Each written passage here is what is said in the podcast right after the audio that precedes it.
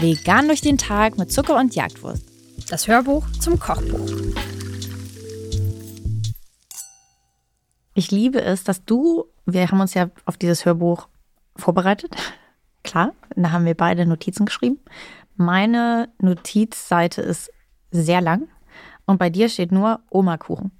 Und wenn man ein, ja. ähm, mit einem Herz mir. dran, wenn man ähm, ab und zu uns schon mal reden gehört hat, ich erinnere mich an eine letzte, an eine letzte Podcastaufnahme, du verbindest mich ziemlich oft mit Omas.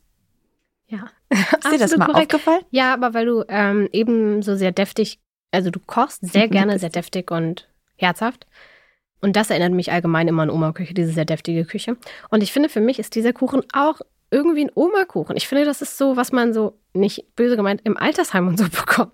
Das ist für mich dieser Kuchen. Okay. Das ist so auf jedem Stani Kuchenbuffet findet man auf jeden Fall irgendeinen Hefekuchen mit Früchten drauf. Ähm, und wenn sowas zu lange liegt, dann ist das manchmal auch schon so ein bisschen alt und nicht mehr so richtig fruchtig. Der Kuchen war fantastisch, kann ich euch direkt sagen. Aber für mich ist das irgendwie so ein Kuchen, den machen Omas, den findet man auf jedem Kuchenbuffet. Wahrscheinlich auch in der Schule, bei irgendwelchen AG, bei irgendwelchen Veranstaltungen, auf irgendeinem sechste Klasse Schulbuffet. Da findet man immer so einen Kuchen. Das verbinde ich damit. Ich weiß nicht so richtig, wie ich das deuten soll. Ich wollte nämlich eigentlich jetzt schon sagen, das ehrt mich ja, weil also es greift mich jetzt nicht an, dass du mich mit Großmüttern nee, kulinarisch vergleichst, weil Omas wissen ja, es immer am besten. Oma, Fall. Essen bei Oma haben doch alle irgendwie so einen Softspot für. Ja. Deswegen freut mich das ja eigentlich. Aber jetzt irgendwie mit dieser sechsten Klasse Kuchenbuffet weiß ich jetzt auch nicht mehr. das klingt jetzt irgendwie doch nicht mehr so schön. Ich verbinde mit diesem Rezept tatsächlich aber auch den Garten und im Garten finde ich meine Garten-Omi tatsächlich auch, äh, die da immer umherwurschtelt und ihr Obst und Gemüse hegt und pflegt und ihre tausenden Blumen.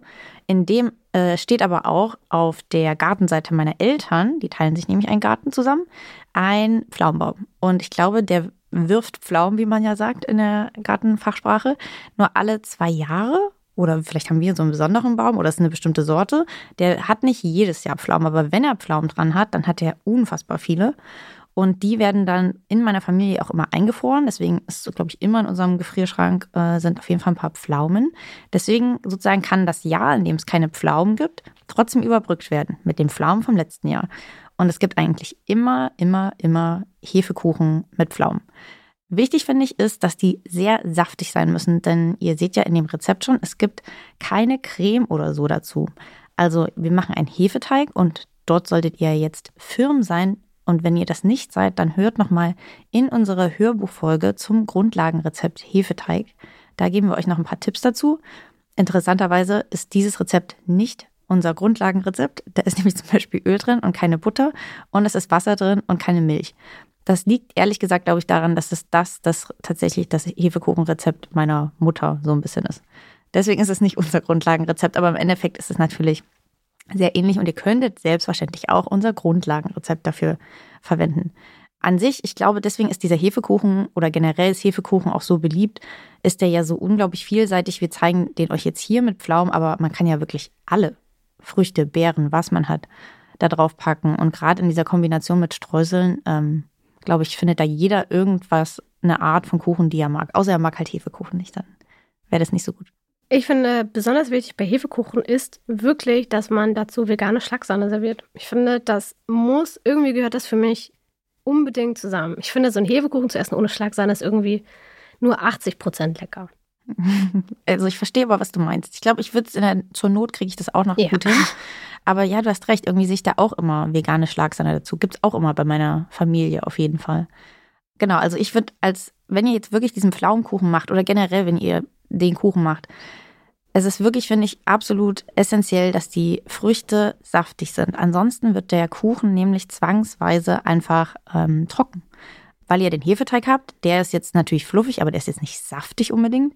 Die Streusel sind natürlich auch alles andere als saftig. Das heißt, es kommt alles vom Obst. Und wenn ihr da härtere Pflaumen zum Beispiel verwendet, und die auch nur so spärlich bedeckt, dann habt ihr viel zu viel Teig, der durchkommt und der dann einfach oben auf der Oberseite trocken wird. Deswegen belegt diesen Kuchen randvoll unbedingt mit saftigem Obst. Obst reift nicht im Ofen. Also das, diese Taktik funktioniert nicht, dass ihr hartes Obst draufpackt und dann denkt, dass es im Ofen einfach super saftig wird. Das wird nicht passieren. Deswegen, das ist wirklich die perfekte Grundlage dieser Hefekuchen, finde ich, für saisonales Obst. Also nehmt dann nichts, was gerade nicht in Saison ist, nicht so gut schmeckt. Das hier steht und fällt, finde ich, wirklich mit der Qualität vom Obst, das man da drauf packt. Ich habe noch zwei Anmerkungen.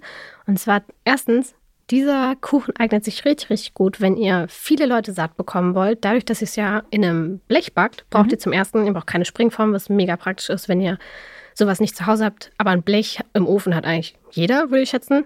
Ähm, das heißt, ihr braucht nicht viele Utensilien und ihr kriegt richtig viele Leute davon satt. Und ihr könnt diese Kuchen auch richtig gut transportieren. Also wenn das abgekühlt ist, schneidet ihr das einfach in Stücke, könnt das in Boxen verpacken und mitnehmen. Das leidet überhaupt nicht. Ihr müsst nur gucken, wie ihr die ähm, vegane Schlagsahne vielleicht dann mit in den Park kriegt, ohne dass sie schmilzt. Aber das ist das kleinste Problem. Der Kuchen ist sonst habt ihr immer noch 80 Prozent. Ja, auch stimmt. Okay.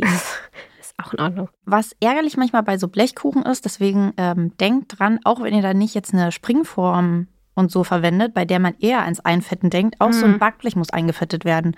Oder ihr legt halt wiederverwendbares Backpapier drunter. Das ist schon auf jeden Fall wichtig, damit der euch nicht am Backblech im Prinzip ähm, festklebt. Das wird richtig ärgerlich, wenn der dann so leicht ankrustet und dann den nicht mehr vom Blech bekommt. Deswegen auch beim Backblech unbedingt dran denken.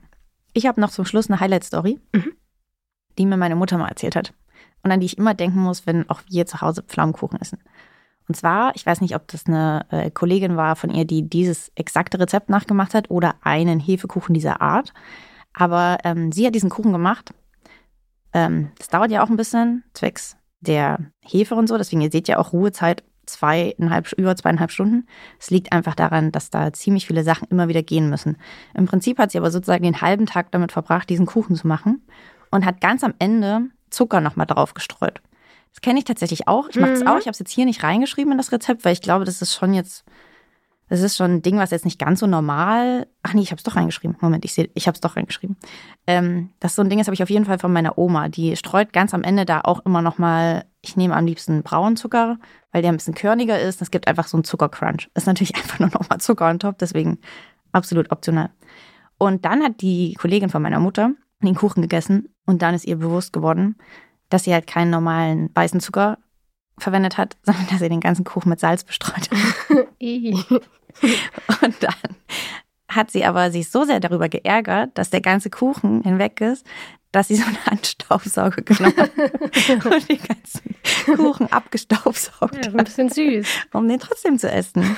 Und das habe ich irgendwie immer vor mir, dieses Bild, wie jemand mit einem Staubsauger über diesen Kuchen steht. Also Leute, hier ist nichts verloren. Wenn ihr aus Versehen Zucker drüber, ähm, äh, Salz statt Zucker drüber streut, dann könnt ihr das mit dem Staubsauger noch retten. Vielleicht nicht auf die höchste Stufe, nicht, dass die Streusel auch noch haben. Die Mandelscheiben und alles. Naja. Ach Mensch. Aber ja, ähm, ich finde, das ist ein Kuchen. Ich wette, ihr habt den schon mal gegessen. Ihr ähm, könnt den auf jeden Fall. Das ist ein klassischer Kuchen für Familie, die ein bisschen kritischer mit dem Vegan entgegenstehen. Da, also den könnt ihr hinstellen auf jedes Buffet und das wird niemand merken, dass der vegan ist. Absolut korrekt. Gut, dann schlagen wir jetzt noch die Schlagsahne auf und dann guten Appetit.